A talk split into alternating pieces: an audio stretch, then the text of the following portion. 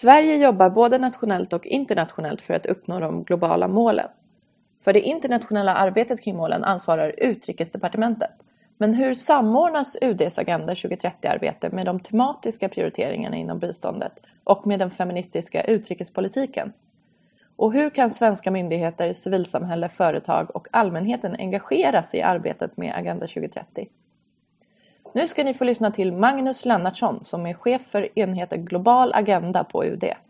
Ställer frågor gör Lennart Wolgemut från FUF och Hanna Hansson från Concord. Samtalet spelades in den 7 november 2016 och filmen från seminariet hittar du på vår Youtube-kanal FUF Play. Jag är ju ganska ny på det här jobbet. Jag har eh, just avverkat min sjunde vecka i den här nya positionen som chef för enheten Global Agenda. Eh, det var mycket diskussioner för övrigt om vad den här nya enheten skulle, skulle döpas till. Eh, från början så förekom det eh, varianter på enheten för globala frågor och Global Issues Department och så vidare. Men till slut så landade man på den här, den här benämningen som jag tycker är ganska, ganska häftig faktiskt. Och, Eh, det är ju någon slags, eh, slags kombination kan man säga av, eh, av globala frågor och agendafrågor och policyutveckling som vi ansvarar för. Som Lennart sa så, så har vi hos oss Agenda 2030, eh, PGU och FFD. Det är ett kluster i vår, i vår, i vår, vår enhet. Vi har också utvecklingsbankerna, IFIs eh, och eh, som ett kluster så har vi ett kluster som eh, jobbar med klimatfrågorna, framförallt klimatfinansiering. Det är då de här olika klimatfonderna, mycket som det handlar om, gröna klimatfonden och GEF och de här stora instrumenten som, som är lite doldisar men som eh, omsätter väldigt mycket pengar. Eh, eh, och sen har vi då som också som ett litet kluster kring, eh, kring eh, ambassadören för feministisk utrikespolitik, Ann Bernes, eh, de, den feministiska utrikespolitiken. Men så har vi också då ett ansvar för ska vi säga, lite mer långsiktiga policyfrågor. Där har ju UD haft lite olika varianter under årens lopp. Ibland har det funnits små sekretariat och analysenheter i, på utrikesministerns kansli eller centralt Eh, placerat och ibland har det inte funnits men nu så har man alltså lagt de här frågorna hos oss. Eh, men jag kanske bara helt kort skulle presentera mig eh, för att som sagt jag känner inte så många ansikten här. En del, en del känner jag igen, Hanna från, från New York bland annat men jag har varit borta hemskt många år. Jag har varit, varit ute nu i, i 13 år och just kommit tillbaka till Sverige så att Eh, började på, eller ja, min utvecklingsbana kan man säga, den började faktiskt hos Lennart, eh, Lennart Wolgemut på Sida en gång i tiden eh, när jag som vapenfri tjänstepliktig eh, eh, gjorde eh, min eh, samhällstjänst på undervisningsbyrån. Det var så det, det som ledde in mig faktiskt på den här banan så du är fullt ansvarig för att jag sitter i den här soffan nu kan man säga. Eh, men sen så blev det då UD 1989 eh, och eh, mycket utvecklingsfrågor har det varit under årens lopp. Eh, började på dåvarande U-avdelningen som som ju då leddes av Lena Hjelm-Wallén och Bengt Säve Söderberg och jobbade med de frågorna. Sen har jag varit stationerad i Peking och jobbat också med utvecklingsfrågor där i början på 90-talet. Och sen blev det New York eh, efter det. Jobbade då på utvecklingssidan med eh, de multilaterala frågorna, fonderna, FNs fonder och program och humanitära frågor. Och ehm, det där var också någonting som jag fortsatte med när jag kom hem till Stockholm efter första utlandstouren då jag var chef för UDs humanitära eh, sektion eh, under några år. Vi jobbade bland annat med den här Good Humanitarian Donorship som kanske någon har hört talas om. Eh, eh det lever fortfarande kvar vet jag. Eh, och sen, eh, men sen blev, det, sen blev det Tokyo efter det. Det var andre man i fem år och sen då åtta år i New York och varav fem som chef för utvecklingsgruppen på New York. Och där har det handlat väldigt mycket om agendor just de senaste åren. Eh, eh, och eh, jag har haft då nöjet att följa de här förhandlingarna på plats i New York, Agenda 2030 och allt förarbete som ingick i det där och också naturligtvis FFD, Financing for Development, som kulminerade i Addis för, för ett drygt år sedan. Så det det känns ju väldigt roligt att nu också få uppleva eh, själva genomförandefasen från hemmaplan. Eh, och, eh, eh men jag får ju samtidigt säga att jag befinner mig i en så att säga, eh, brant eh, eh, learning curve eh, här som gör att det här kommer att bli en, en kväll med, som jag hoppas blir en dialog med, med publiken där jag kommer att lära mig säkert lika mycket som ni har att lära från, från mig. Eh, men eh, jag tänkte som jag har blivit ombedd och kanske inleda lite allmänt med några reflektioner kring Agenda 2030 för det är ju temat här för, för kvällens diskussioner. Och, och bara konstatera att vi har på bordet eh, ett antal historiskt unika, verkligen eh, mellanstatligt överenskomna också, eh, viktigt att framhålla, ramverk för hållbar utveckling, klimat och utvecklingsfinansiering. Och de är som ni alla vet universella, de är transformativa, de ska vara transformativa och integrerade eh, och mycket ambitiösa. Eh, samtidigt som de också då eh, allihopa eh, eh, eh, tar upp de här tre dimensionerna av hållbar utveckling, alltså ekonomiska, eh, eh, sociala och miljömässiga eh, perspektiven. Så det här är inte business as usual eh, och eh, dessutom ska alla med. No one left behind. Eh, och kopplingarna mellan de här agendorna de är, de är både uppenbara och, och uttalade. Eh, ingen av de här agendorna kan ju genomföras isolerat från de andra. Eh, klimat och utveckling är intimt kopplade med varandra och därför så behöver vi både transformativa och samstämmiga ansatser eh, för att genomföra dem. Och det här är faktiskt någonting som vi pratar mer och mer om eh, just kopplingarna mellan klimatagendan och eh, utvecklingsagendan. Eh, det är på något vis Eh, en, eh, den, den, nya diskussionen som har uppstått i, i, eh, i, efter New York och Paris. Att eh, eh, vi måste eh, se, se hur de här kopplingarna eh, eh, hur de ser ut och hur, hur, de, hur de spelar ut i, i ett genomförande perspektiv. Inte minst på, på landnivå i många utvecklingsländer så blir det omöjligt för länderna att egentligen sära på de här olika agendorna i, i själva genomförandefasen när man kommer ner och ska tala om nationella utvecklingsplaner och så vidare. Eh, men det är ju då långt utöver vad utvecklingssamarbetet ensamt kan leverera.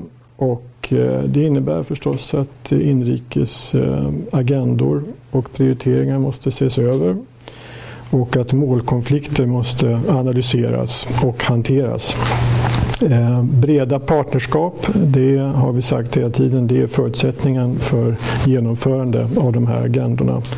Och det innebär att regeringar och myndigheter, eh, civila samhället, privata sektorn och kunskapssamhället måste vara med och samverka kring, eh, kring hållbara lösningar. Eh, det här är ju ingen lätt sak att göra.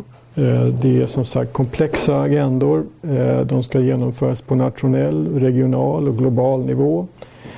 Och det betyder att vi behöver som sagt transparenta, tydliga och inklusiva processer som vi brukar säga. Eh, för uppföljning, för översyn, för mätning och för rapportering. Ehm, ja, nu har det snart gått ett år sedan vi antog de här agendorna och var står vi då så att säga i, i själva genomförandet? Och jag tycker att det finns, det finns skäl för en hel del optimism. Eh, för det första så ser vi ett aktivt och växande engagemang på alla nivåer inom olika kommuniteter. Så det är uppenbart att agendan eh, har fått traction. Eh, folk responderar men eh, jag kommer tillbaka till den frågan senare men jag, jag tycker att det är, det är det, är ingen, det, det, har inte blivit en flopp. Eh, det är inte riktigt Agenda 21 eh, men eh, det är helt klart att intresset är stort för agendan och, och det är väldigt positivt. Den politiska viljan är också stark som jag ser det och undan för undan så ser vi hur de här agendorna och Agenda 2030 integreras i nationella utvecklingsplaner Eh, som anpassas. Och vi ser ny arkitektur som växer upp på både land, eh, på nationell, eh, regional nivå för, för styrning och genomförande. Vi ser nya strukturer för, för också uppföljning och rapportering som, som etableras. Det tredje som är positivt är att vi inte börjar från scratch. Det är viktigt att framhålla. Det är mycket i agendan som, som eh, där vi har liksom en, en positiv eh, ska vi säga, trajectory. Alltså eh, MDG-målen var ju långt ifrån genomförda när vi, när vi införde den nya agendan men trots allt så var det en positiv trend kring många av, eh, av MDG-målen, eh, inte minst när det gäller fattigdomsbekämpning. Så att det, det eh, man, får, man får säga att det är Eh, en positiv trend i mycket. Eh, och eh, så att säga när det gäller svenskt vidkommande så är det ju mycket i Agenda 2030 som redan ligger väldigt väl i linje med svensk politik och vi har både initiativ och strategier och handlingsplaner för, för mycket som kan bidra till, till agendans uppfyllande. Men vi ser då också betydande utmaningar och en sådan är förstås ägandeskap, eh, whole of government. Eh, hur gör vi för att säkra ägandeskap? Eh, och genomförande av tvärsektoriell politik och mainstreaming det är, det är svårt. Det är inte lätt. Och det, så jag ska inte sitta här ikväll och säga att vi har allting under kontroll. Och, eh, Eh, en del av er kanske var med när eh, den här eh, rapporten från EBA presenterades härom, härom sistens om PGU som just pekar på erfarenheterna av, av 15 års arbete av, av koherensarbetet. Eh, det är mål och intressekonflikter som, som, eh, som uppstår i, i sånt här arbete. Incitamenten kanske inte är alldeles tydliga och kunskapen om varför man, man ska göra det här eh, är inte klar för alla, alla inblandade eh, intressenter. Det gör att vi behöver eh, enkla processer som alla berörda aktörer förstår också på, på ett sätt. Så det där tänkte jag också återkomma till. Eh, andra punkt eh, under utmaningar, walk the talk, good policy, eh, eller god policy och ambitiösa strategier. Och det finns ingen brist på strategier och handlingsplaner i dagsläget. Eh, det är inte samma sak som genomförande. Eh, och eh, hur man säkerställer att alla de här papperna som vi jobbar med och jag måste säga det det är nästan lite överväldigande att komma hem och se hur mycket arbete och tid och energi som läggs ner på strategier och, handlingsplaner när vi så att säga har har en agenda redan som är antagen. Eh, det är klart det är ett nödvändigt arbete men det är väldigt mycket tycker jag som, eh, som eh, läggs ner på detta. Även här tror jag att det kommer att behövas att förenkla en hel del. Ja, tredje punkten här, oh, förlåt, det var inte så bra. Ja, för, sådär kanske. Jag tror jag stänger av den här helt och hållet. What gets measured gets done, säger vi ibland. Vi vet fortfarande lite för lite om hur många delmål i agendan ska mätas. Eh, och eh, ett, efter ett år så saknar vi fortfarande indikatorer på bra, bra, många av delmålen i agendan. Och det här är någonting som eh, Statistikkommissionen arbetar med. Och som en del av kanske känner till så sitter ju Statistiska centralbyrån som eh, på den nordiska platsen i FNs statistikkommission och arbetar med detta. Men eh, det är lite besvärande att eh, ännu ett och ett halvt år efter att agendan antas så kommer man förmodligen fortfarande inte ha indikatorer på alla, alla de här delmålen som, som ingår i agendan. Men enbart indikatorer och, och och eh, ska vi säga, statistik räcker ju inte för att förklara så att säga, varför förändring uppstår. Det behövs ju också robusta system för, för utvärdering. Eh, så det gäller inte att bara, vi pratar om big data och the data revolution och allt detta.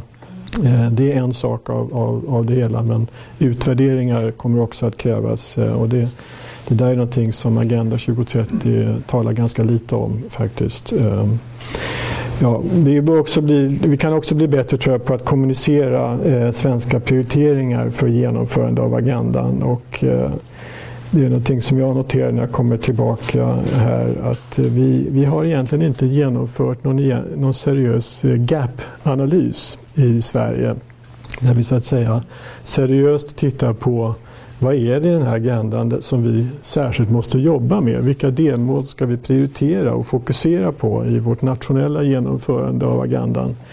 Eh, vilken ambitionsnivå ska vi ha? Det är alldeles klart att på vissa områden så har ju vi en högre ambitionsnivå än den som uttrycks i Agenda 2030 till exempel inom jämställdhet och MR och demokrati och så vidare. Eh, men eh, det här behöver, tror jag, eh, Eh, utvecklas ytterligare. Och exakt hur det ska gå till det, det får vi se lite längre fram. Men, eh, kort sagt, vilka delmål är särskilt relevanta för just Sverige att jobba med nationellt? Eh, ja, sen är det då, som jag tror är ett, en av frågorna för kvällens diskussion också, hur givet det här växande intresset som vi noterar, hur engagerar vi ytterligare den lokala nivån så att säga? Kommuner och landsting till exempel i genomförandearbetet. Och här är ju Agenda 21 ett slags gott exempel från, från, eh, från forntiden som, som vi ofta lyfter fram. Och det var ju, det var ju en stor succé verkligen eh, som, eh, som den agendan på något vis talade till folks medvetande. Och det, det var någonting som, som eh, också passade väldigt väl in i kommunernas arbete och landstingets arbete. De liksom insåg direkt att här är någonting som vi kan jobba med, en hållbarhetsagenda. Och, eh, det fick direkt eh, stort genomslag. Och, och, eh, men hur skapar vi liksom samma positiva momentum för, för Agenda 2030 med, med 17 mål och 160, var det nu, 63 eller 169 delmål som eh, är eh, betydligt mer liksom komplex, eh, ett komplext eh, eh djur att omfamna. Eh, ja, det är uppenbart att Agenda 2030 har en, eh, en bit kvar att gå på det området. och vad kan vi göra för att ytterligare engagera och motivera också de icke-statliga aktörerna, civilsamhället, privata sektorn och, eh, och eh, kunskapssamhället som sagt. Vad gör svenska regeringen? Eh, ja, jag håller själv på att ta reda på detta.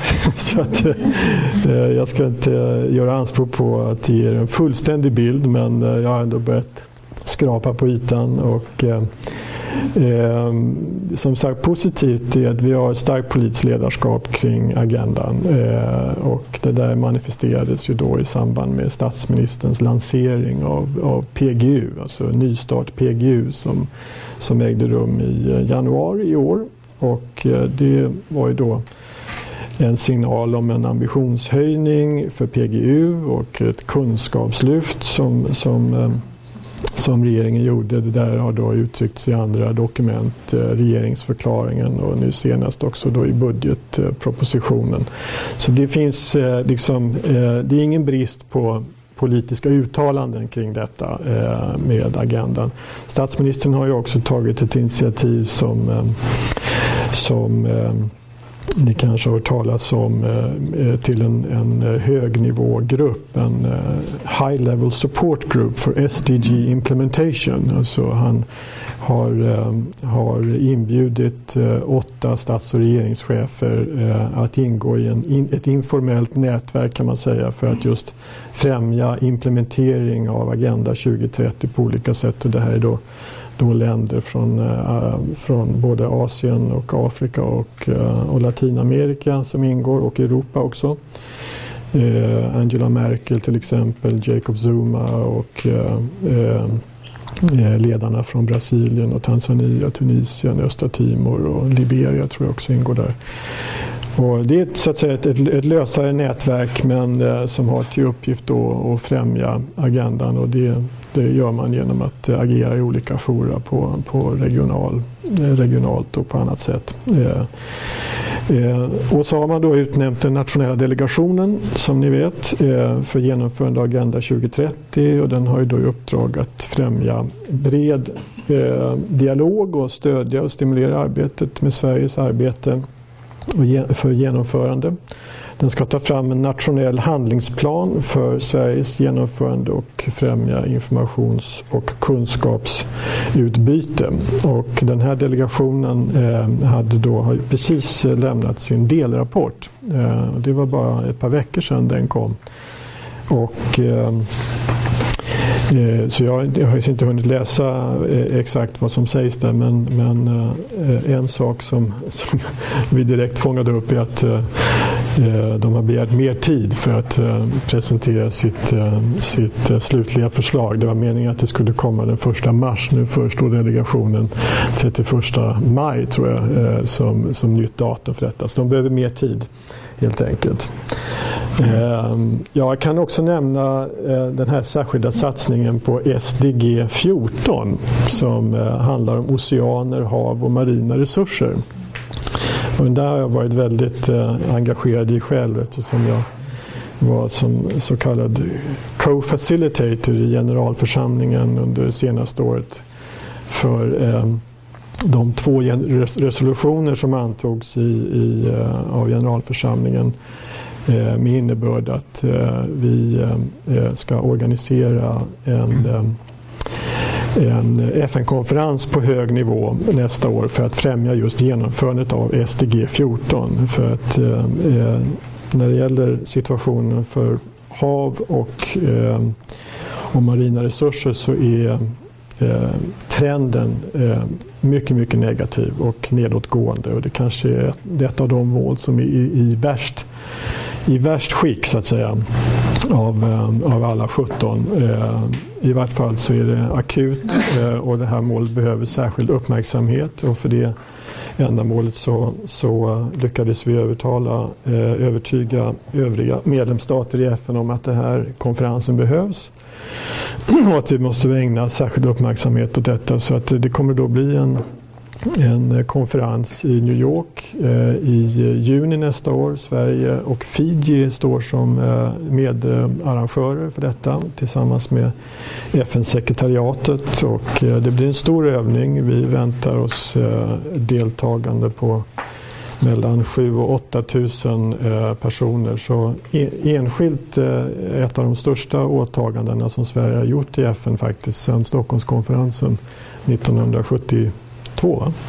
Eller var det 74? Ja, 72. 72 ja. När skulle den äga rum? Den äger rum 3 till, 5 till 9 juni nästa år i samband med Världshavens dag för övrigt. Så, och där ska man då eh, komma, komma överens om en call for action eh, Eh, för, eh, för oceaner och hav men framförallt eh, organisera ett antal tematiska partnerskapsdialoger i vilka då det ska vara så här inklusivt multi-stakeholder-deltagande som går igenom då de olika, eller som täcker in de olika delmålen i agendan. Och tanken är att man då ska komma fram till innovativa och konkreta rekommendationer för hur vi kan driva genomförandet av just det här målet och också skapa en plattform för att bygga eh, partnerskap eh, brett. Eh, det är väldigt mycket som händer på oceanområdet men det är samtidigt väldigt fragmenterat och det är många som drar i olika riktningar. Vi såg ett behov av att få in alla de här de här eh, eh, initiativen under FNs egid så att säga. Så att det där kommer äga rum och eh, det är framförallt eh, biståndsminister Isabella Lövin som har varit mycket pådrivande och aktiv eh, för att få till stånd det här initiativet. Ehm, I övrigt, vad gör vi? Ja, det är policykoherens handlar det mycket om. Det här är lite grann Sveriges eh, story i, på den internationella nivån. Vi har ju kommit längre än de flesta andra länder när det gäller policykoherens och PGU var vi ensamma om att införa när det, när det begav sig i början på på 2000-talet. Eh, så vi har en del erfarenhet eh, om det här. Det handlar ju om att, att, att eh, det sammantagna värdet av olika insatser är större än summan av enskilda insatser.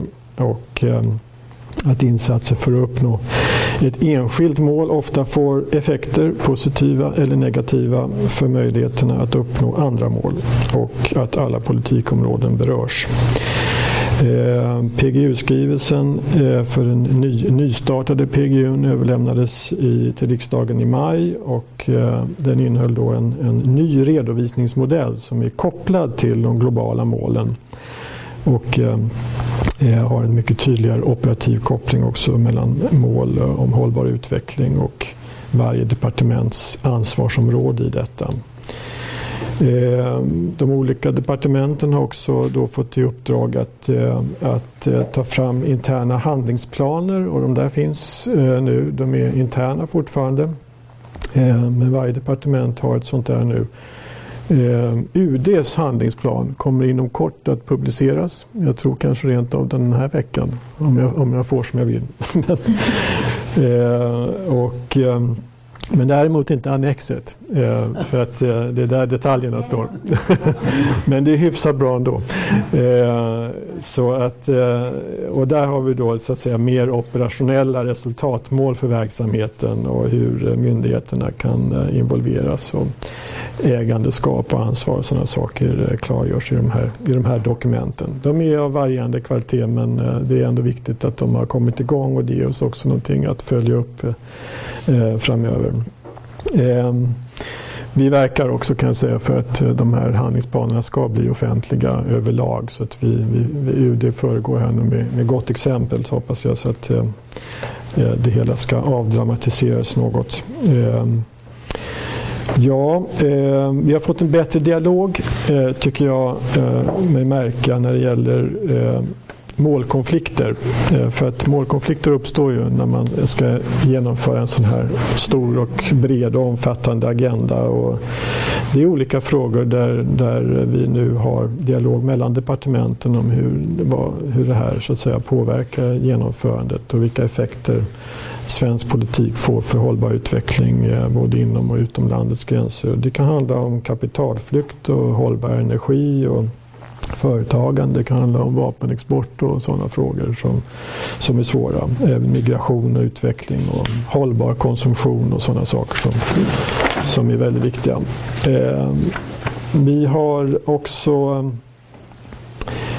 Eh, ett nytt policyramverk för det svenska utvecklingssamarbetet på gång. Eh, det här är någonting som har legat ute på remiss ända sedan jag tror i somras. Så en bra, en bra stund med jag har eh, den senaste versionen här framför.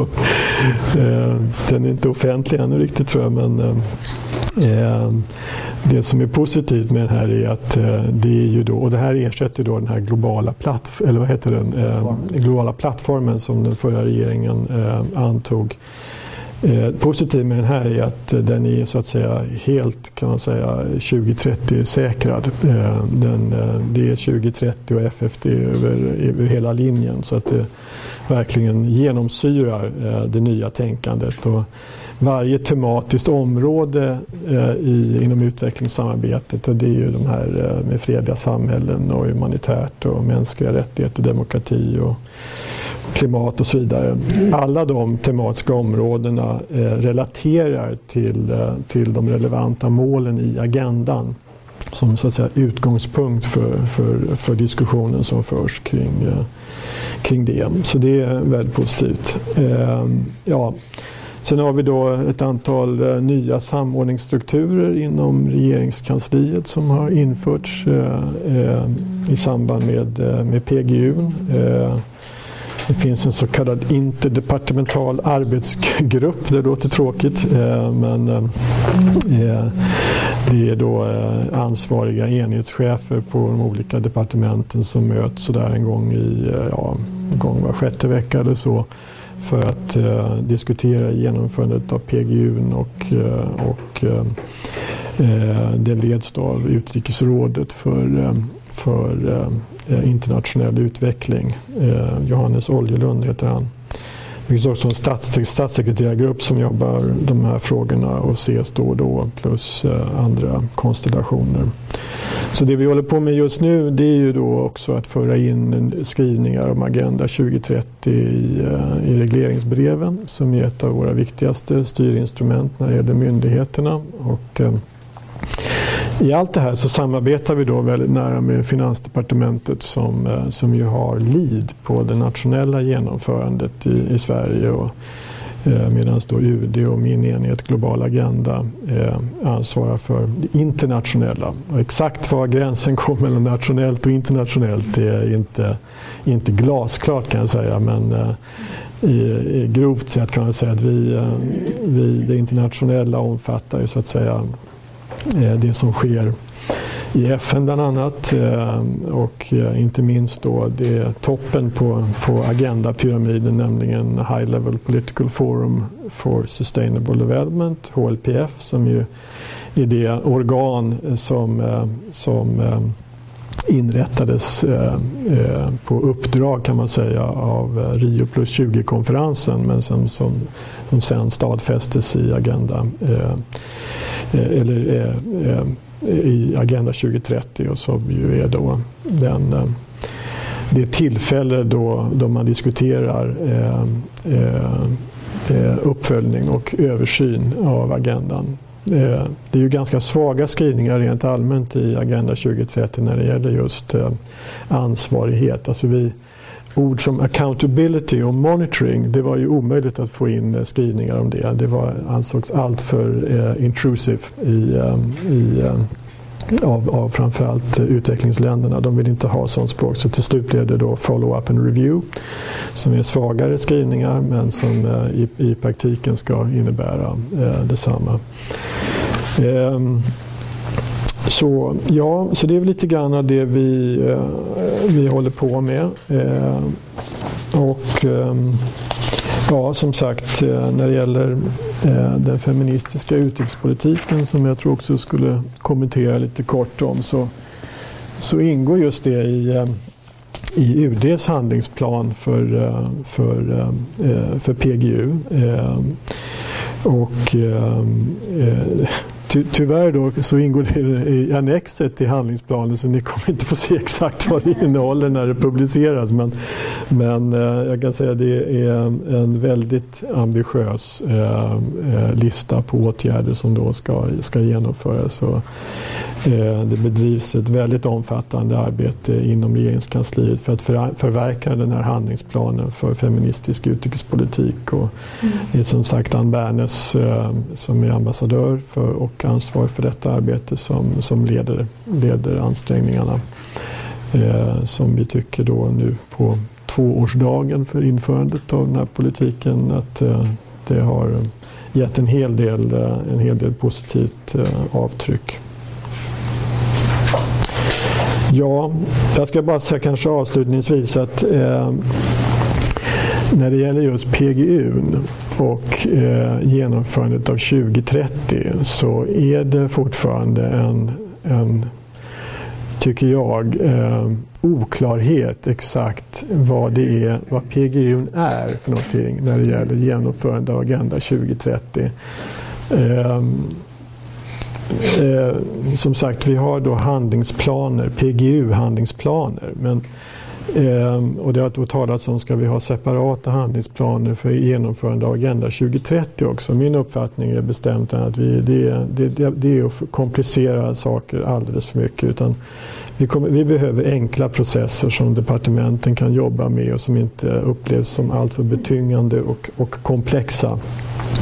Så vi, vi verkar eh, för att vi ska gå i riktning mot att PGU-handlingsplanerna också blir handlingsplaner för Agenda 2030. Jag menar, PGU är ju ett verktyg för att uppnå de mål som vi... Och målen är ju så att säga uttryckta i Agenda 2030. Så det är inte så, så komplicerat egentligen men det gäller då att få alla berörda aktörer att eh, att förstå det. Så det är faktiskt en diskussion som håller på just i detta nu kan jag säga. Och, eh, eh, eh för att det har ställts frågor inom, inom regeringen och, eh, och eh, departementen exakt hur det här hänger ihop. Och eh, Så det är någonting som vi håller på att försöka skapa lite klarhet i med, med just målsättningen att, att förenkla och förtydliga. Jag stannar där. Stort tack för det du har som synes på sju veckor kommit in ganska bra i uppgiften och du har en, eh, tacklat alla frågor. Nu kommer Hanna och jag ställa några ganska elaka frågor lite för, eh, för att be dig precisera men vi räknar med att, att, du har, att vi, vi, vi accepterar att du säger att du inte har hunnit sätta dig in i alla frågorna. Men vi vill ändå ställa dem och kanske få dig, som du sa själv, du vill, kanske kan få några tankar med dig efter det här mötet också. Vilket vi hoppas. Den första gäller då precis där du slutade.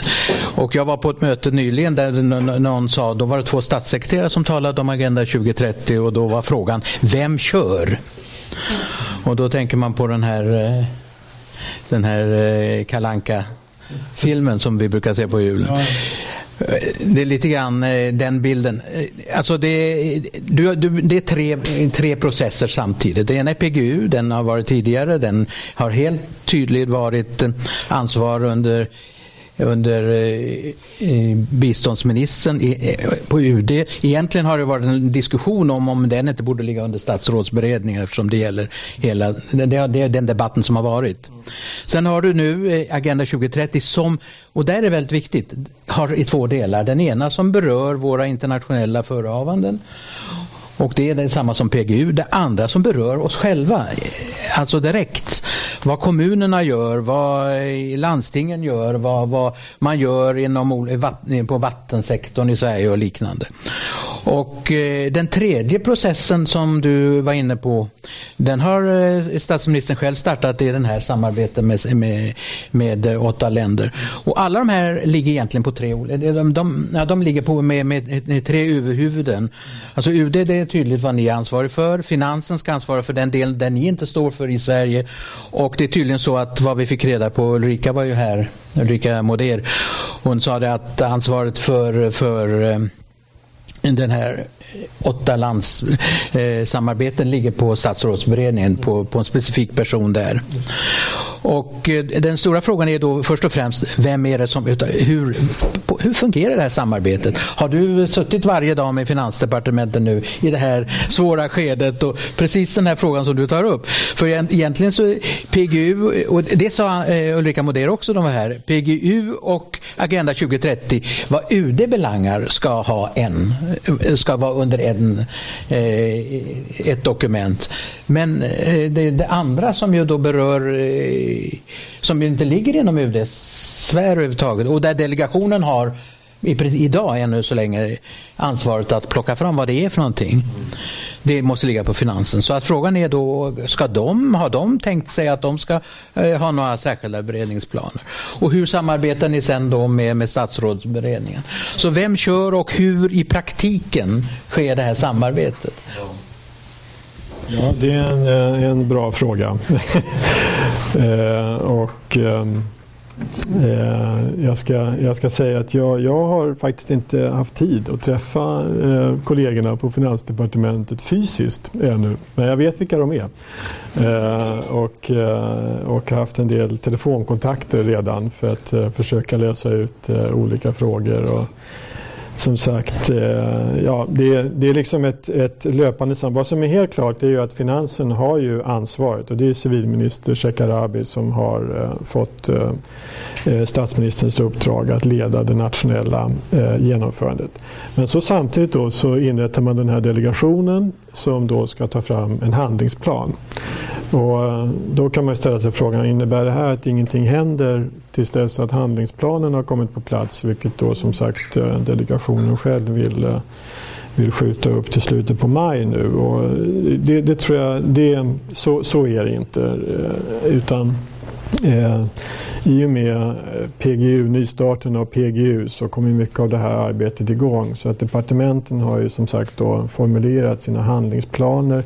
Vi har också instruerat eh, 81 myndigheter eh, som ligger då under olika departement att rapportera in till eh, till sina, till sina huvudmän på departementen om vad, vad de gör, vad som är relevant för, för, för deras myndigheter i agendan och hur de tänker arbeta med, eh, med de frågor som, som de ansvarar för i, i liksom en agendakontext. Eh, så där sker, sker mycket också.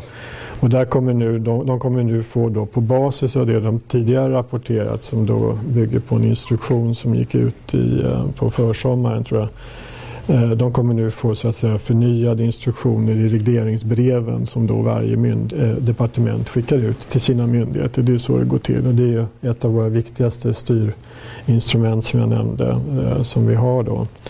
Eh, för ministerstyre är ju inte tillåtet i det här landet eh, utan vi, vi styr genom de här årliga breven kan man säga som anger verksamhetens inriktning.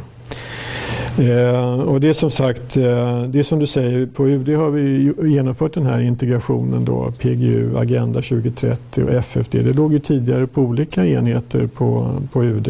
Eh, vilket eh, ju inte var optimalt. Eh, men eh, där vi nu har fått en mycket bättre överblick tycker jag på, på vad, vi, vad vi har att bidra med.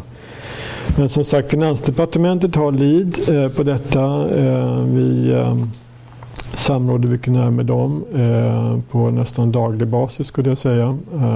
I olika, mycket, mycket handlar det om hur vi liksom formulerar oss kring regleringsbrev eller Just nu så håller vi på och skriver ett brev som ska gå från eh, de huvudansvariga statssekreterarna på UD respektive Finansdepartementet till den övriga statssekreterarkretsen som ska klargöra just den här frågan om sambanden mellan PGU och Agenda 2030. Och, så att, och det illustrerar ju också att eh, vi har ett, eh, ett, behov av att eh, förklara det här lite bättre eh, än, vad, än vad som har varit fallet hittills. Eh,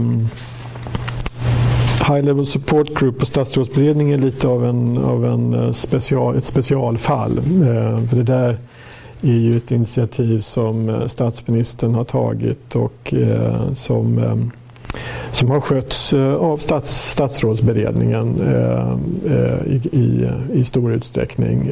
Så det har inte så att säga tryckts ut i linjen som vi säger utan eh, eh har, skötts, har skötts därifrån. Och det finns då en grupp av, eh, av skärpas, alltså eh, så att säga, representanter för de olika stats och regeringscheferna som, eh, eh, som eh, umgås på, på e-mail och på andra sätt eh, där man då löpande ut, utbyter förslag om vad gruppen kan företa sig och, eh, och eh, olika möten som kommer upp om gruppen kan agera eh, enskilt eller, eller i grupp och på olika sätt främja genomförande av Agenda 2030.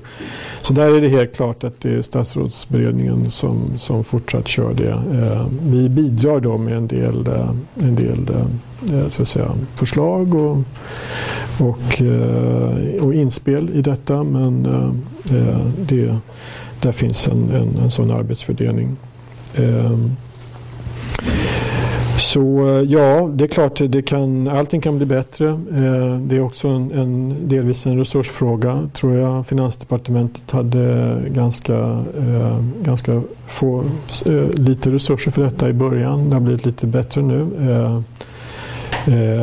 Och jag tror eh, det finns kanske en insikt om att det här med att Eh, eh, driva det nationella genomförandet det, det är mer resurskrävande än vad man kanske, man kanske först eh, insåg. Eh, så att det kommer att behövas eh, hjälp där och eh, som sagt mycket, mycket departementsöverskridande samarbete. Men bara att analysera allt det som kommer in och, och liksom sätta ihop en eh, en nationell handlingsplan eh, är ju en, en, en, en, stor uppgift och som sagt eh, någonstans så kommer jag tillbaka till det här med gapanalysen eh, som eh, jag tror vi måste göra på något sätt eh, så att vi får en lite bättre bild av vad vi ska prioritera och fokusera på. Eh.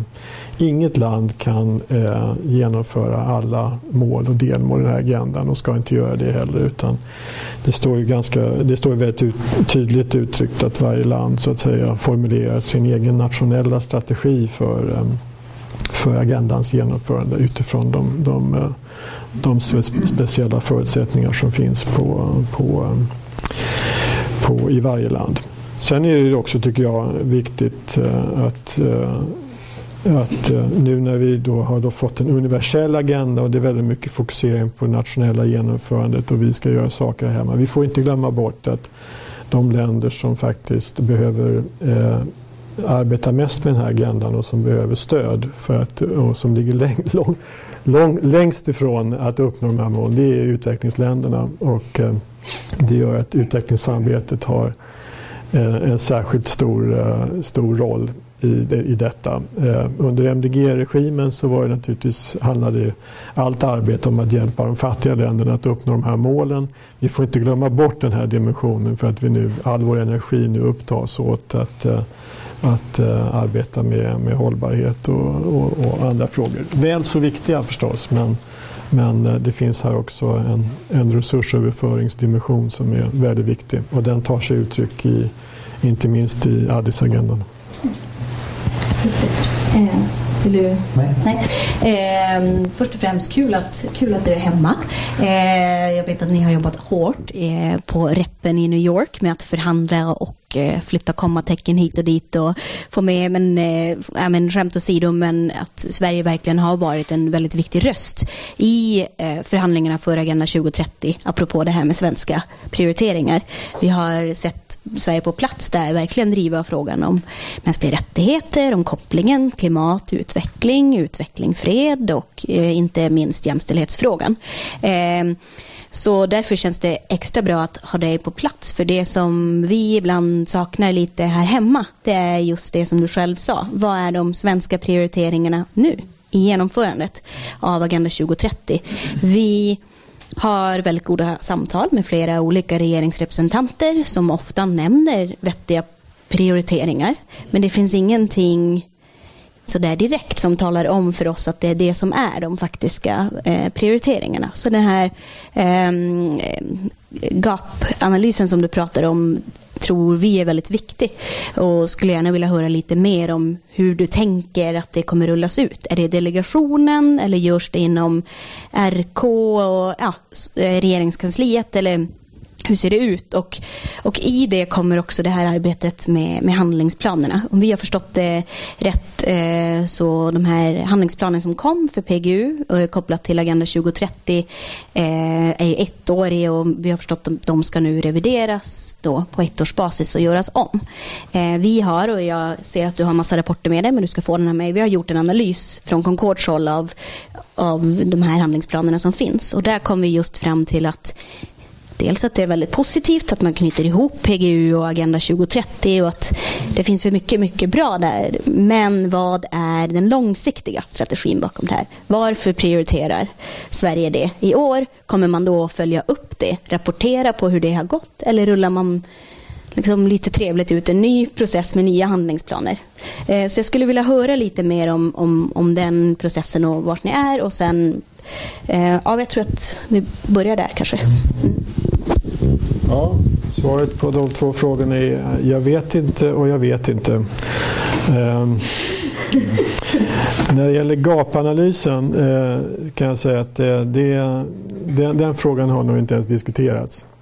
Eh, så det är mina, min högst personliga reflektion eh, som eh, är vare sig eh, operationaliserad eller dragen med någon ledning alls. Eh, så där tror jag vi... vi eh, men jag, jag, jag, kan säga som, som ansvarig tjänsteman att jag ser ett behov av att jobba vidare med det. och där finns ju, finns ju olika modeller att tillgå men ja, det, det har noterats även internationellt och VRI, World Resource Institute, gjorde ju en analys här i somras Eh, på ett, en, eh, över en handfull, om, om en handfull OECD-länder som eh, just för att se hur långt man har kommit i, i genomförandearbetet. Och, och en av de saker som noterades bland annat i den rapporten det var att Sverige saknar en gapanalys. Eh, annars får vi ju då som regel väldigt högt betyg när man liksom läser internationella rapporter eh, om vad det nu kan vara. VRI eller Sustainable Development Solutions Network. Alla säger att Sverige ligger väldigt väl till och vi har liksom alla instrumenten på plats och vi har strukturer och vi har samordning och allt detta. Så vi är bra riggade liksom för, för koherens och borde ha därför särskilt bra förutsättningar för att jobba med, med detta. Ehm, så det, jag tror inte det är något som, vi är världsbäst på samordning och, och koherens och sådär. Och, eh, och, och, det är bra men vi får heller inte liksom eh, eh, drunkna i samordning. Därför att eh, det viktiga är ju också att vi får genomförande och eh, att de här, all den här samordningen också omsätts i, eh, i, i action och agerande. Så, så som sagt, gapanalysen det är någonting som vi får, får titta vidare på helt enkelt och se om det finns om det finns intresse för det inom, inom inom bland departementen. Eh, jag, jag, tror själv att det är, alltså i viss mån så kommer de här PGU, så, så, så ger det här PGU-underlaget en, en fingervisning om vad det är. För att departementen och myndigheterna har ju också uppmanats att kommentera vad det är som behöver göras ytterligare inom deras respektive områden. Så även om det inte är formulerat som en gapanalys så är det ändå information som kommer in som är, som är användbar i, i, det här, eh, i det här sammanhanget. Ja, och det är som sagt, det, det knyter väl an också till frågan om handlingsplanerna, de här ettåriga handlingsplanerna. Som sagt, de, de ska revideras då löpande och, och gradvis eh, eh förfinas eh, i tanken. Eh, jag har inte läst så många själv ännu så att jag har lite svårt att bedöma kvaliteten eller uttala mig om kvaliteten eh, på dem rent allmänt. Eh, jag har hört att det varierar en del. Ehm, eh, vissa departement, vissa myndigheter har gjort oerhört ambitiösa eh, genomgångar inom sina områden. På andra områden är det si och så. Så ehm, det är helt klart, det här är liksom ett löpande arbete som måste, som måste hela tiden stärkas och eh, det, är, det kommer krävas kompetensutveckling eh, inom eh, Alltså vi kommer att behöva satsa mycket på, på detta. Kompetensutveckling och också kommunikation kring om agendan och, och så. Det som är, jag tror kan bli ett tillfälle för oss att faktiskt eh, samla oss när det gäller många av de här frågorna det är ju det faktum att vi har anmält oss eh, till FN eh, som, som presentatör av i den här Voluntary National Reviews som så det är ett antal länder som då frivilligt kan anmäla sig för att, eh, så att säga, redovisa sitt nationella arbete med agendan. Och eh, det var väl ett 14-15-tal sådär länder som gjorde det i somras. Vi var inte då, tillhör inte den första omgången där men nu har vi anmält oss då till nästa sommar. I juli äger då det här andra riktiga HLPF-mötet rum. Och då skriver man en sån här, en sån här tjock rapport. Här i Finlands rapport de eh, la fram i, i somras. Ett 70-tal sidor och så eh, eh, går man igenom då eh, eh, enligt en viss metodologi som FN-sekretariatet anger. Eh, vad, man, vad man har gjort och hur man jobbar med de här olika frågorna. Eh, vi eh, har blivit kallade till ett möte nu i New York i i mitten på december för att få anvisningar om hur vi ska ta fram den här rapporten. Så det blir ett två dagars seminarium som, eh, som UNDESA, alltså avdelningen för ekonomiska och sociala frågor, eh, arrangerar för alla eh, i gruppen. Då som, och där har vi sagt att vi skulle gärna vilja samarbeta med ett, eh, ett land från syd som också har anmält sig för att just eh, inför alltså när vi arbetar med att ta fram de här rapporterna utbyta lite erfarenheter om hur vi kan eh, och vad de har stött på. Det kan bli liksom ett, till, ett dialogtillfälle med ett land i syd och så kanske man till och med skulle kunna göra gemensamma presentationer där man, där man kommenterade varandras agendor och, och lite sånt där. Ja, jag vet inte om det var så många faktiskt i högnivågruppen som har anmält sig till nästa eh, sommar. Eh, det var ingen direkt som vi hittade, annars hade det varit en, en modell också. Eh, så, eh, ja. Och den rapporten, bara för att följa upp ja. HLPF-rapporten, vem, eh, vi, vi var på plats under HLPF som var nu mm. då. Just det. Forum som följer upp det här årligen. Mm. Eh, och då fanns det väldigt olika modeller för hur länder valde att ta fram de här rapporterna. Ja. Det är ju såklart eh, eh, många som vill vara med och föra ja. in till en sån rapport. Vi vet ja. att det finns, när det gäller olika FN-processer finns det olika modeller och just kring Agenda 2030 så har ju landet en ganska stor flexibilitet om hur man gör. Hur tänker Sverige? Liksom, vem bidrar till den här rapporten? Är det regeringens rapport? Eh, finns det möjlighet för olika aktörer att göra input? Och hur ser det ut där? Jag, jag kan nästan lova att vi kommer ha en bred konsultation kring den här rapporten. Eh, och också också konsultera med, med eh, de icke-statliga aktörerna, eh, inklusive er själva. Concord är ju väldigt, eh, väldigt aktiva på de här, eh, i de här frågorna. Så det kommer vi eh, garanterat att, att ha. Sen är det då UDGA, alltså min enhet, som ansvarar för att sammanställa rapporten. Men det är självklart eftersom vi rapporterar om det nationella genomförandet, inte minst, så är ju de övriga då som vi har pratat om, Finansdepartementet och så, mycket viktiga i, i det sammanhanget. Får jag också följa upp? Det är tre punkter som du nämnde. Mm. Följa upp och fråga. Det första du tar om gapanalysen. Då undrar man ju lite grann vad delegationen gör. Vi hade alltså, jag glömde säga det till dig tidigare, delegation här på, på, på motsvarande diskussion bara för några veckor sedan.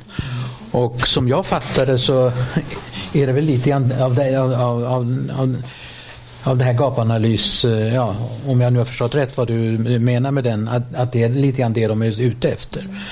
Så det är min första fråga. Sen nämner du då två väldigt viktiga frågor.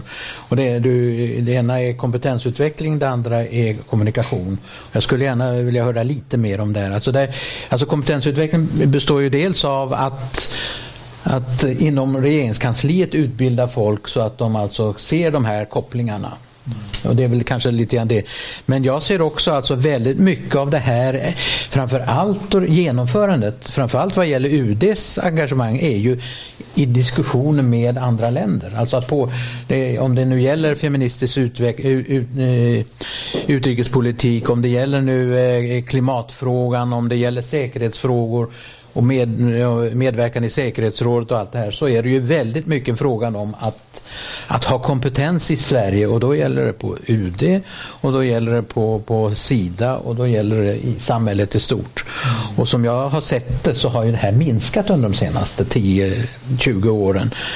Eh, och det är intressant att höra, eh, kan du säga något mer om den här policyenheten? Hur stor kommer den att bli på din, på din enhet? För det, det, det tog man ju nästan bort helt under eh, de den senaste tioårsperioden. Sida har minskat ner det till nästan noll och stödet till miljöstöd till universiteten har nästan upphört också. Så det betyder ju att, att vi har...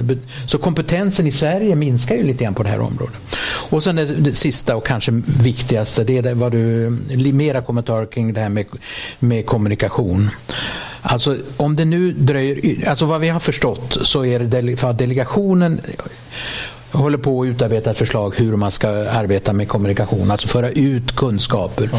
Och de har börjat i deras jobb ligger ju också att träffa kommuner och, och sånt där. Jag, jag, jobbar på ett par universitet och där sitter man och väntar på regeringen och nu har man väntat i ett år på att få, alla vill göra någonting men man väntar på, på, på att få, ja det är lite dåligt tycker jag i och för sig, de kunde göra någonting. Men att de väntar på att få initiativ och idéer. I Ljungby så har de tagit initiativ till Lucia-tåg har jag hört.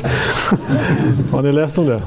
Jo men det tas fått... initiativ men på något sätt, de här, jag var på, har varit både i Växjö och Göteborg på, på internationaliseringsdagar och man har stora diskussioner kring Agenda 2030. Och alla, och, och, men på något sätt så sitter alla och väntar på. Så att jag tror det här med äh, äh, det, det man gjorde med med efter eh, man tog miljöbeslut för, för 20 år sedan och vad man gjorde efter PGU också. Att det behövs. Och kan du nu kan du inte utlova någonting, men kan du arbeta för att man inte väntar till maj nästa år att ens besluta om hur man ska arbeta vidare, utan man har det här högt på agendan innan dess? Ja, det var många frågor på en gång. Ja, just det, precis.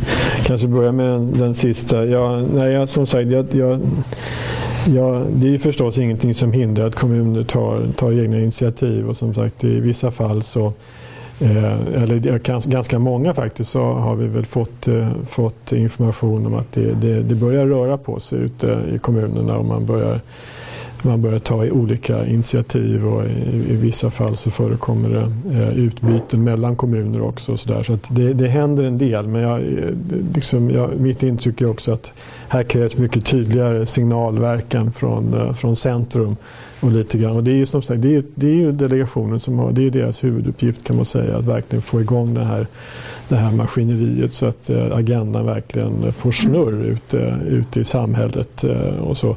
Så det, mm, vi har egentligen inte råd att vänta så länge som eh, om det nu blir en, en fördröjning här i tidsschemat så är det inte så bra. Ehm, det är klart, vi, vi jobbar så, så, gott vi kan med, med de här frågorna från, från vårt håll och UD och sådär. Vi hade den här First Generation-satsningen eh, som kanske någon, någon är bekant med. Jag, jag, kan inte så mycket om den själv men jag vet att det var en stor UD-kommunikationssatsning som handlade mycket om ungdomar och sådär. Eh, hur, eh, hur man engagerar ungdomar och, och vad den här agendan betyder för dem och så. Eh, och överhuvudtaget ungdomar är en väldigt viktig naturligtvis målgrupp i allt detta eh, som eh, vi ju har på, på, olika sätt försökt lyfta fram i agendan. Jag vet inte om vi, om vi lyckades tillräckligt men det, det här är ju, det här är ju den eh, den yngre generationens agenda, det är deras värld som vi, som vi ska, ska påverka med, med det här arbetet.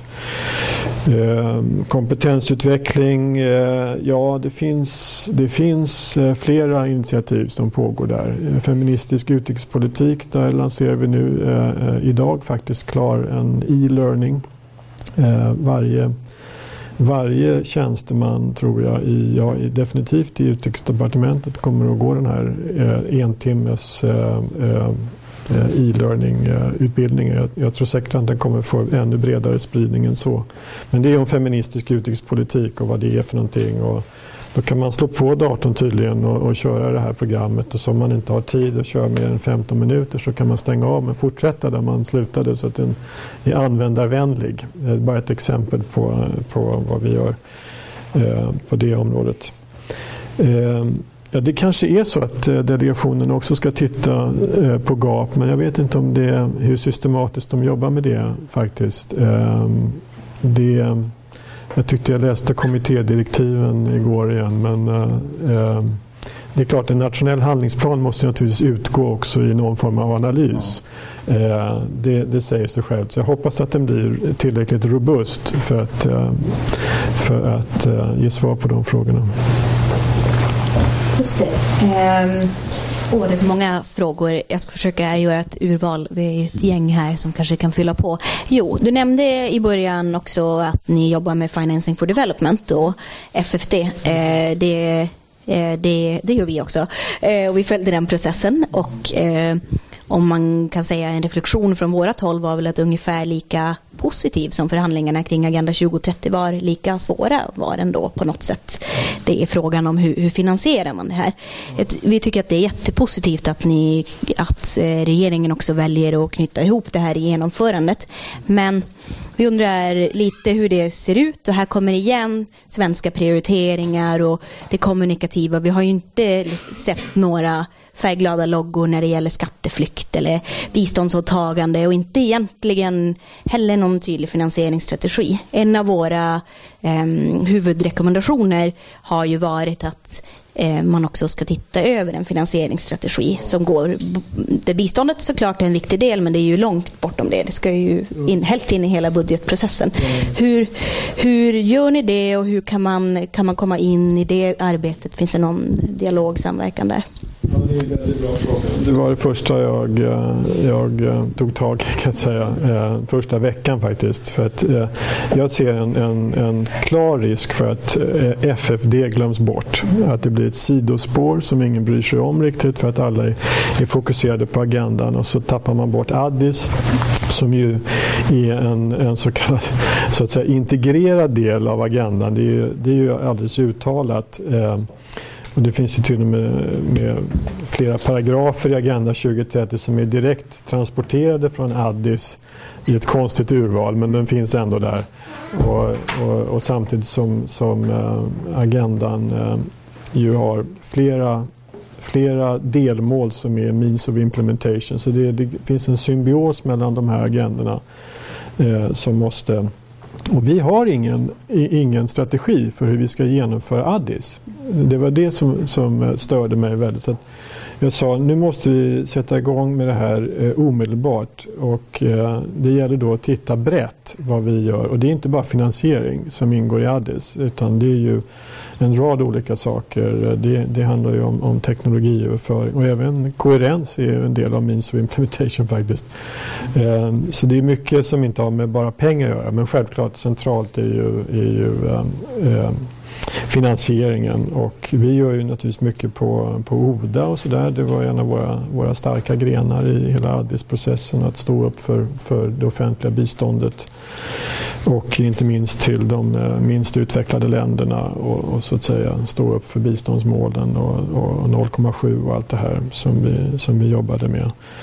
Så det fick vi mycket kring. Sen finns det andra nya frågor som då har tillkommit under, under Addisförhandlingarna och, och skattekommittén är ju en sån då alltså som är ju kontroversiell och, och, och besvärlig. Det finns ingen enhet inom EU om det här. Det finns inte ens, inte ens enighet inom Sveriges regering kring detta. Ehm, och, ehm, ja, utan att gå in på, eh, på det i alltför stor detalj så, så kan man väl säga att eh, den här frågan kommer inte försvinna. Ehm, den, den är, är ju naturligtvis eh, och, men, men, som sagt, det, det, är oerhört viktigt att vi, eh, vi tar Addis på allvar för annars kommer det uppstå en förtroendekris eh, i eh, eh kanske inte i sommar men, men uh, not too far down the line eh, då utvecklingsländerna börjar ställa frågan, ja den här agendan, liksom, vad hände med alla de här resurserna från, från billions till trillions och, eh, och ni håller ju bara på och, och implementerar nationellt och ägnar all energi åt att eh, liksom skapa eh, hållbara samhällen. Men det är vi som har de stora problemen här. Eh, och, liksom, eh, och, och Samtidigt som vi vet så är det ganska svaga strukturer inom FN för uppföljning av Addis. Det här Financing for Development Forum som ju ordnas.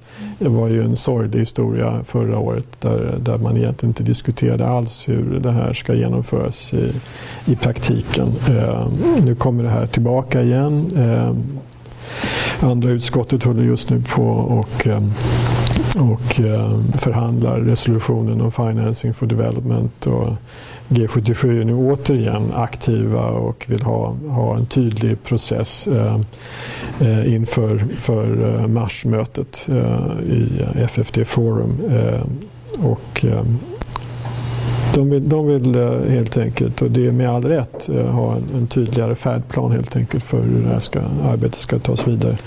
Jag tror vi har mycket att bidra med där. Och, och så vad jag vill göra det är en, en systematisk inventering av alla Addis-agendans åtta action, sju action areas och gå igenom vad gör Sverige på till exempel eh, eh, avgifter för remitteringar som är en stor fråga. Eh, det finns, eh, vi har inte varit bra där. Eh, haft, eh, det har varit dyrt för, för migranter att eh, remittera till sina... Vad gör vi för att, eh, för att jobba med den frågan? och, och andra saker också. Och så få klarhet också i skattefrågorna och, och så. så att, Eh, det kommer att komma och den eh, instruktionen är, är på gång ut. Och, men som sagt, vi måste jobba nära med andra departement också eh, i det. Eh, statliga aktörer. Icke minst. Icke minst. Icke minst. Ja, det är jättefint att du vill ta upp de här frågorna. För att det finns, men det finns ju lite momentum just nu kring skattefrågorna i alla fall. Så att, men det är bra att någon på UD och just er enhet, det passar ju rätt bra att, det här, att ni jobbar med. Jag vet inte, det är en fråga till kanske innan, innan vi släpper in. Alltså, du, er enhet ansvarar ju då för eh, att ja, vad gäller feministisk ut, utveck, utrikespolitik definitivt men också kring, du talar om klimatfinansiering. Och UD i stort ska ju då, det är ju så många, det är framförallt nu för säkerhetsrådet, säkerhetsfrågorna och, och och, och, en väldigt viktig del av det här, våra relationer med omvärlden, går ju, den här plattformen, eller den heter inte plattform, ramverket som du har framför dig där, den, den koncentrerar sig på de absolut svåraste frågorna som är motvindsfrågor. Eh, alltså det är demokrati och mänskliga rättigheter, det är, det är jämställdhet. Det är, alla de här frågorna gör ju att man måste ha en dialogkompetens och dialogkapacitet. Och, alltså det, man, man måste ha kompetens för det första i frågorna och det talade vi om förut. Och, men man måste också kunna föra ut de här budskapen och det är någonting som jag känner väldigt starkt för. Hur diskuterar ni det här alltså? Alltså, finns det en beredskap? Alltså, man ser ju att det är inte lätt. Det ser man ju till exempel på. Eh, Ja, man kan ta exempel Saudiarabien. Alltså, eh, antingen går man ut väldigt hårt och därigenom skapar man en omöjlig dialogsituation med, mellan oss och det landet. Eller går man ut väldigt mjukt och, och då, som nu det senaste besöket och då får man en, i alla fall en dialogmöjlighet. Va? Och det här är ju väldigt, det, ska man föra sådana här frågor Eh, så måste man ha klart för sig. För jag tror världen kommer bli jättekomplicerad i framtiden. Mer än någonsin tid. Mer än någonsin tid. Ja, den är redan. Och då måste man ha klart för sig det. För ni dessa diskussioner överhuvudtaget? Inte tillräckligt tror jag. Ehm, men du sätter eh, fingret på en, en fråga som eh, ju är, det här är vardagsmat i New York. Jag vet inte Eh, vi, vi försöker liksom förmedla hur verkligheten ser ut. Och FN är ju verkligen unikt. Eh, för i New York så jobbar vi väldigt mycket med de normativa frågorna. Just de här eh, just svåra, svåra eh, frågorna som är, är politiskt kontroversiella. Det handlar om demokrati och MR. och mänskliga, ja, mänskliga rättigheter, eh, SRHR och, och allt det här. Alltså det, och trenden är ju, är ju djupt oroande. Alltså, hela liksom den här normativa samsynen som vi lyckades uppnå på många områden i, på 90-talet med de stora världskonferenserna Peking och Kairo. Eh, eh, också Rio, Johannesburg och så vidare. Och Habitat och vi hade Eh, en serie som ju liksom bildade ett, ett normativt ramverk som vi på något vis har, har levt på sedan dess med, med aktionsplaner och uppföljnings och femårsöversyner och allt sånt där. Allt det där är ju, är ju skakigt idag. Va? Det håller ju på att skakas om i grunden och som vi upprepar gång på gång. Vi hade, om vi skulle sätta oss ner och förhandla de här agendorna idag så skulle vi aldrig kunna uppnå någonting sånt. Egentligen så kan man säga att det var ju ett, ett mirakel att vi lyckades komma överens om den här agendan. Eh, trots allt. Så eh, liksom eh, eh, Eh, oavsett vad man tycker om kvaliteten på agendan så var det ändå en, en, en stor framgång att det gick att eh, uppnå då konsensus eh, bland alla medlemsstater. Även om det förstås eh, eh, blev urvattnat på vissa, vissa områden. Och vi eh, ser ju som, som ett eh, modernt givarland eh, har en betydligt högre ambitionsnivå på, på flera områden som jag sa. Men, men det är ett jättestort problem. Jag tror inte att vi har pratat alls tillräckligt om hur vi ska bryta igenom och vända de här trenderna. Ja, du, du ställde frågan också om hur vår analysriggning ser ut. Alltså på UD. Det är en person. en och en halv eh, kan man säga eh, som, eh, som vi har fått i resurs för detta. Och det är då för att titta på långsiktiga utmaningar. Vad vi, en sak som vi har sagt är att, för det har varit ganska mycket liksom, eh, vindkantring åt att man har jobbat, vi har jobbat med amerikanska tankesmedjor och sådär. Nu, nu har eh, i alla fall eh, våra uppdragsgivare sagt att vi måste vi måste på ett helt annat sätt eh, eh, rikta oss mot syd, globala syd och mot öst. Eh, vi har alldeles för, för dåliga kontaktytor med tankevärlden och kunskapssamhället i de länderna. Men då, så, så det, det kommer vi att försöka göra inom ramen för de eh, begränsade resurser som vi har. Och det blir en del teman då som vi plockar upp, en del som har anknytning också till Agenda eh, 2030. Eh, eh, menar, ytterst så tror jag det här beror eh, på dels Eh, en, ett nytt geostrategiskt läge i världen. Det, vi, på 90-talet var det helt enkelt enklare. Vi, hade, vi kunde styra och ställa eh, mycket mer, vi starka givarländer på den tiden. Och de, alla var beroende av oss, eh, av våra biståndspengar och eh, eh vi, eh, vi kontrollerade arbetet i de här mellanstatliga organen i, i styrelserna för fonderna och programmen. Och, vi satte agendan och eh, det var ingen som riktigt...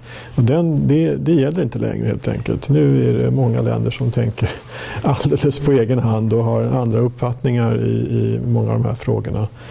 Eh, men, men hur vi så att säga gör outreach till dem och eh, på olika nivåer, både inom deras samhällen och med regeringarna själva, det, det tror jag vi behöver prata mycket mer om.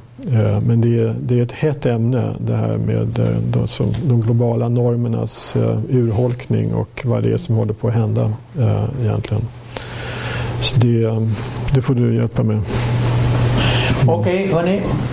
Flera chanser till frågor, kommentarer. Ja. Hejsan, Nina heter jag. Eh, vi pratade mycket om eh, att det var väldigt viktigt att få med ungdomar och kompetensutveckling i, för att förverkliga den här, den här agendan. Och då tänker jag som eh, ideell barn och ungdomsorganisation. Vart ska man vända sig för eh, stöd kring information och kanske finansiella stöttningar om man vill göra en insats för att informera om agendan och kanske även integrera den i verksamheten. Tack. Ska vi ta några till om, om det?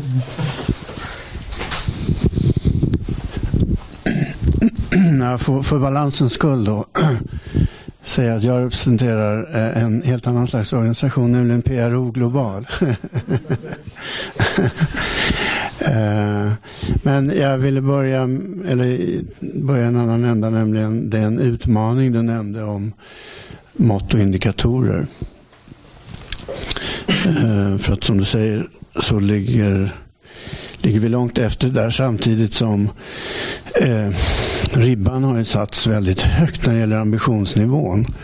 Alltså leave no one behind är ju nästan en statistisk omöjlighet att, att följa upp. Annat än genom grova approximationer och så vidare. Ehm, och, eh, så att frågan är mer konkret om man kommer till handlingsplaner. Det här är ändå ett område där Sverige har väldigt stor erfarenhet. Inte bara härifrån utan i utvecklingssamarbetet. Att bygga upp statistisk kompetens i många fattiga länder. Så att det borde ju vara någonting som vi har en komparativ fördel i att driva även i det här sammanhanget.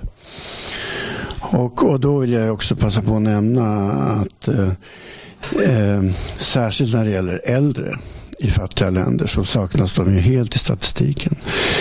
Eh, de, de, nästan alla hushållsundersökningar och andra metoder som finns eh, slutar mäta efter 64 års ålder tror jag det är. Samtidigt som vi ser en, en eh, demografisk utveckling där även i u-länderna en allt större andel blir äldre än 64 år och allt snabbare. Så att, eh, ja, en särskild del av denna utmaning som jag vill understryka för svensk del.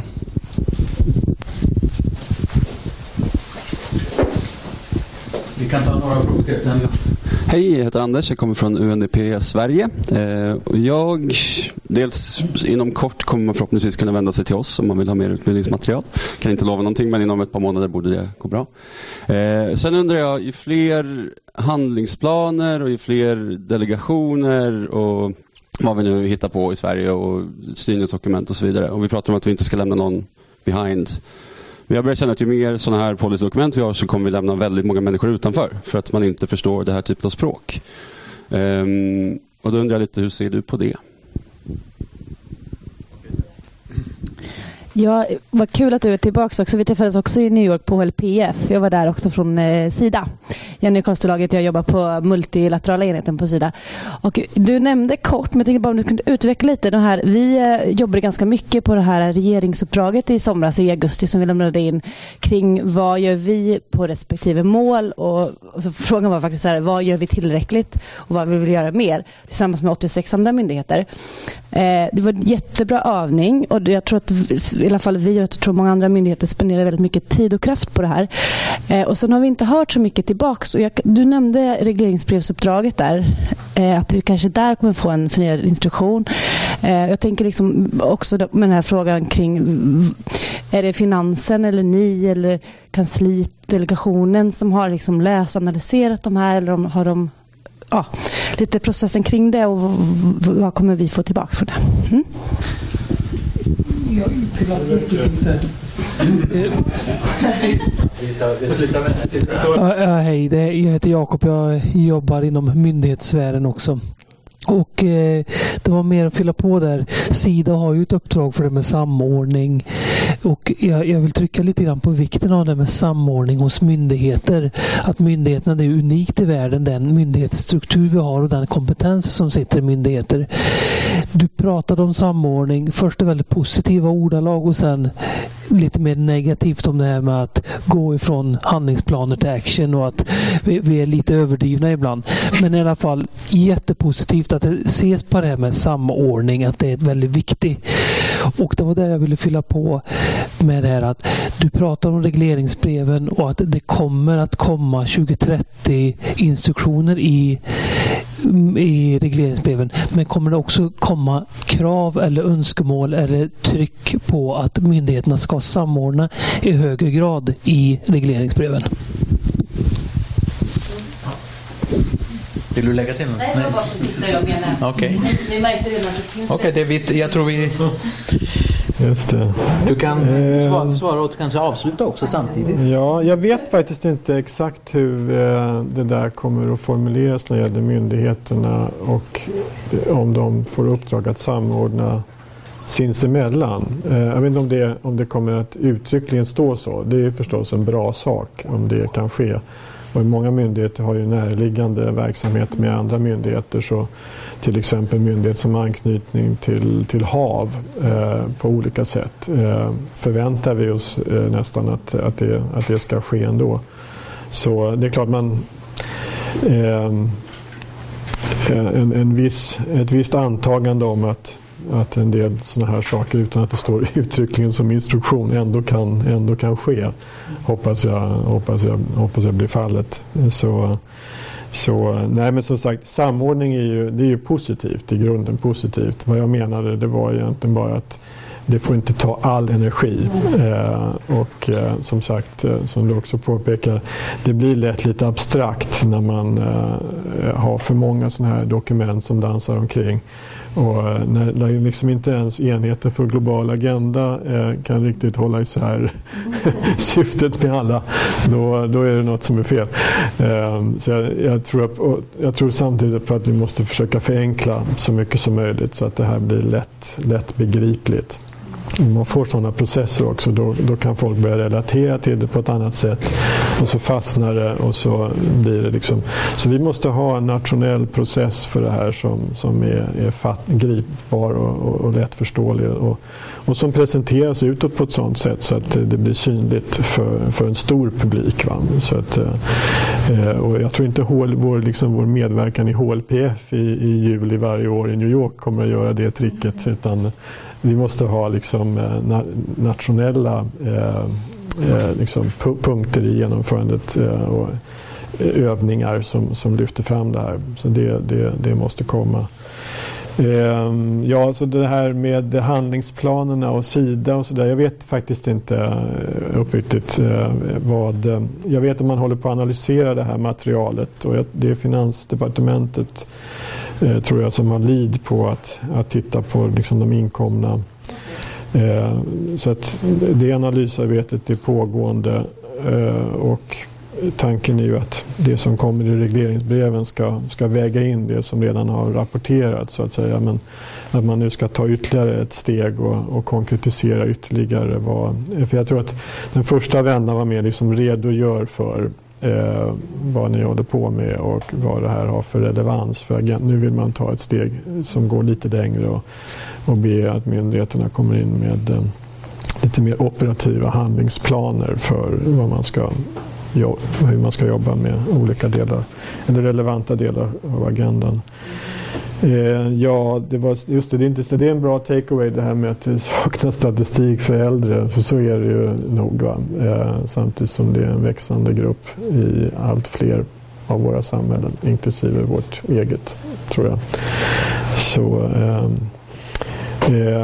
och ehm, ehm, ja, mått och indikatörer. Så det här med leave, leave no one behind. Eh, när, jag, när jag känner på den där formuleringen och också som den diskuterades under förhandlingarna så handlade det väldigt mycket om att eh, ja, eh, det är klart, varje individ eh, ska ju då omfattas av den här agendan förstås. Men, men koden för det där var ju väldigt mycket att man också ska arbeta med utsatta grupper.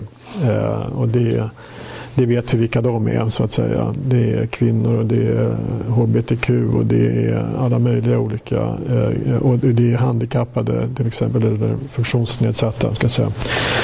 Eh, etc, etc. Eh, indigenous people och så vidare. Eh, det, det, är det som det handlar väldigt mycket om, att, att inte glömma bort dem. Och alla de här finns ju också eh, omnämnda på olika platser i agendan.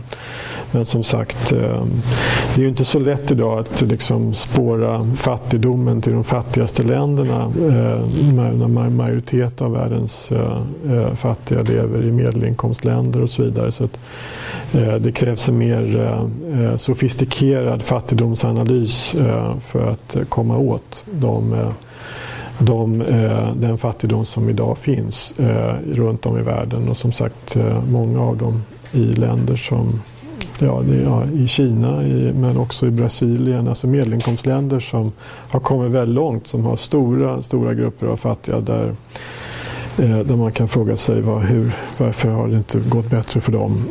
Och, eh Ja, och sen var det någon som frågade om ungdomar. Ja, så svarade UNDP på det. Det var ju väldigt bra. ja, alltså jag tror det finns väldigt mycket material på, på nät och sånt där. Jag tror, eh, vi har väl egentligen ingen riktigt bra liksom, eh, eh, station för det där eh, på svensk sida, där man liksom, eh, eller liksom kommunikationscentral där man kan få material eh, av det här slaget. UNDP är ju jättebra på det här som också eh, ska säga, eh, samordnande eh, organ inom FNs utvecklingssystem och det finns mycket resurser att, att hämta där och för övrigt eh, de, alla de stora FN-organen har mycket om du går på Unicef så kan du hitta hur mycket som helst om, om barn och så vidare. Och så. Men det, det är faktiskt sant. Vi, vi saknar lite grann eh, någon sån här kommunikationsnav som på något vis kan... Ja, det, det här är kanske någonting för delegationen men det där bör vi börja fundera på redan, redan nu. Tror jag. Så ja. Magnus, stort tack. Jag tycker du har gett oss en väldigt eh, bred bild av vad som händer och vad du skall göra framöver. Jag vill bara göra ett medskick. Jag tycker fortfarande att det är klart, eh, det är inte helt klart om vem som ansvarar för vad. Och hur så att säga, relationen mellan finans och, eh, och UD. Och eh, det, risken är ju att man tar initiativ som det här med myndighetssamverkan och om, om det inte finns någon klar mottagare av det här då blir det ju, då blir det ju en backlash här. Alltså en väldigt, och det är rätt mycket. Det, man har, det är mycket, många som engagerar sig, många som vill göra saker. Men det är inte klart riktigt. Och om det är någonting som är viktigt som kanske du kan medverka till, så, och en medskick som vi kan ge, så är det ju att just i samtal med alla berörda i dina dagliga, att, att, göra, att försöka klargöra vem som ansvarar för vad. Det är svårt. Alltså det här stuprören i, i statsförvaltningen överallt, det är ju ett hinder för, för väldigt mycket och, eh, och revirtänkande och liknande. Men här är ju, vill vi ju göra något gott allihopa och, och jag tror det är väldigt viktigt att man har... Och jag med, all, många av frågorna, alltså de här frågorna, vart ska man vända sig om man vill ha stöd? Vart ska man vända sig om man, Alltså hela kommunikationsfrågan är, är ju ännu inte löst. Och var den ska ligga och vem som ska ansvara. Och jag tycker, jag med, då får man kanske hitta en interimslösning om det tar väldigt lång tid. Och fråga, så att eh, jag hoppas att du kan hugga tag i just den här frågan så att vi kan få väldigt tydligt. För ja, men vi har talat med många och det är, de, de flesta är väldigt oklara. Eh, oklara över, över exakt. Så att det, vi tackar dig så hemskt mycket och vi li, hoppas väldigt mycket på dig. Ja, vi tar med mig det här. Det var väldigt lärorikt för mig också att höra kommentarerna. Så tack för att jag fick vara här ikväll och Mig ska du tala om lite detta. mer läsning för du har säkert ingen. Ja, tack.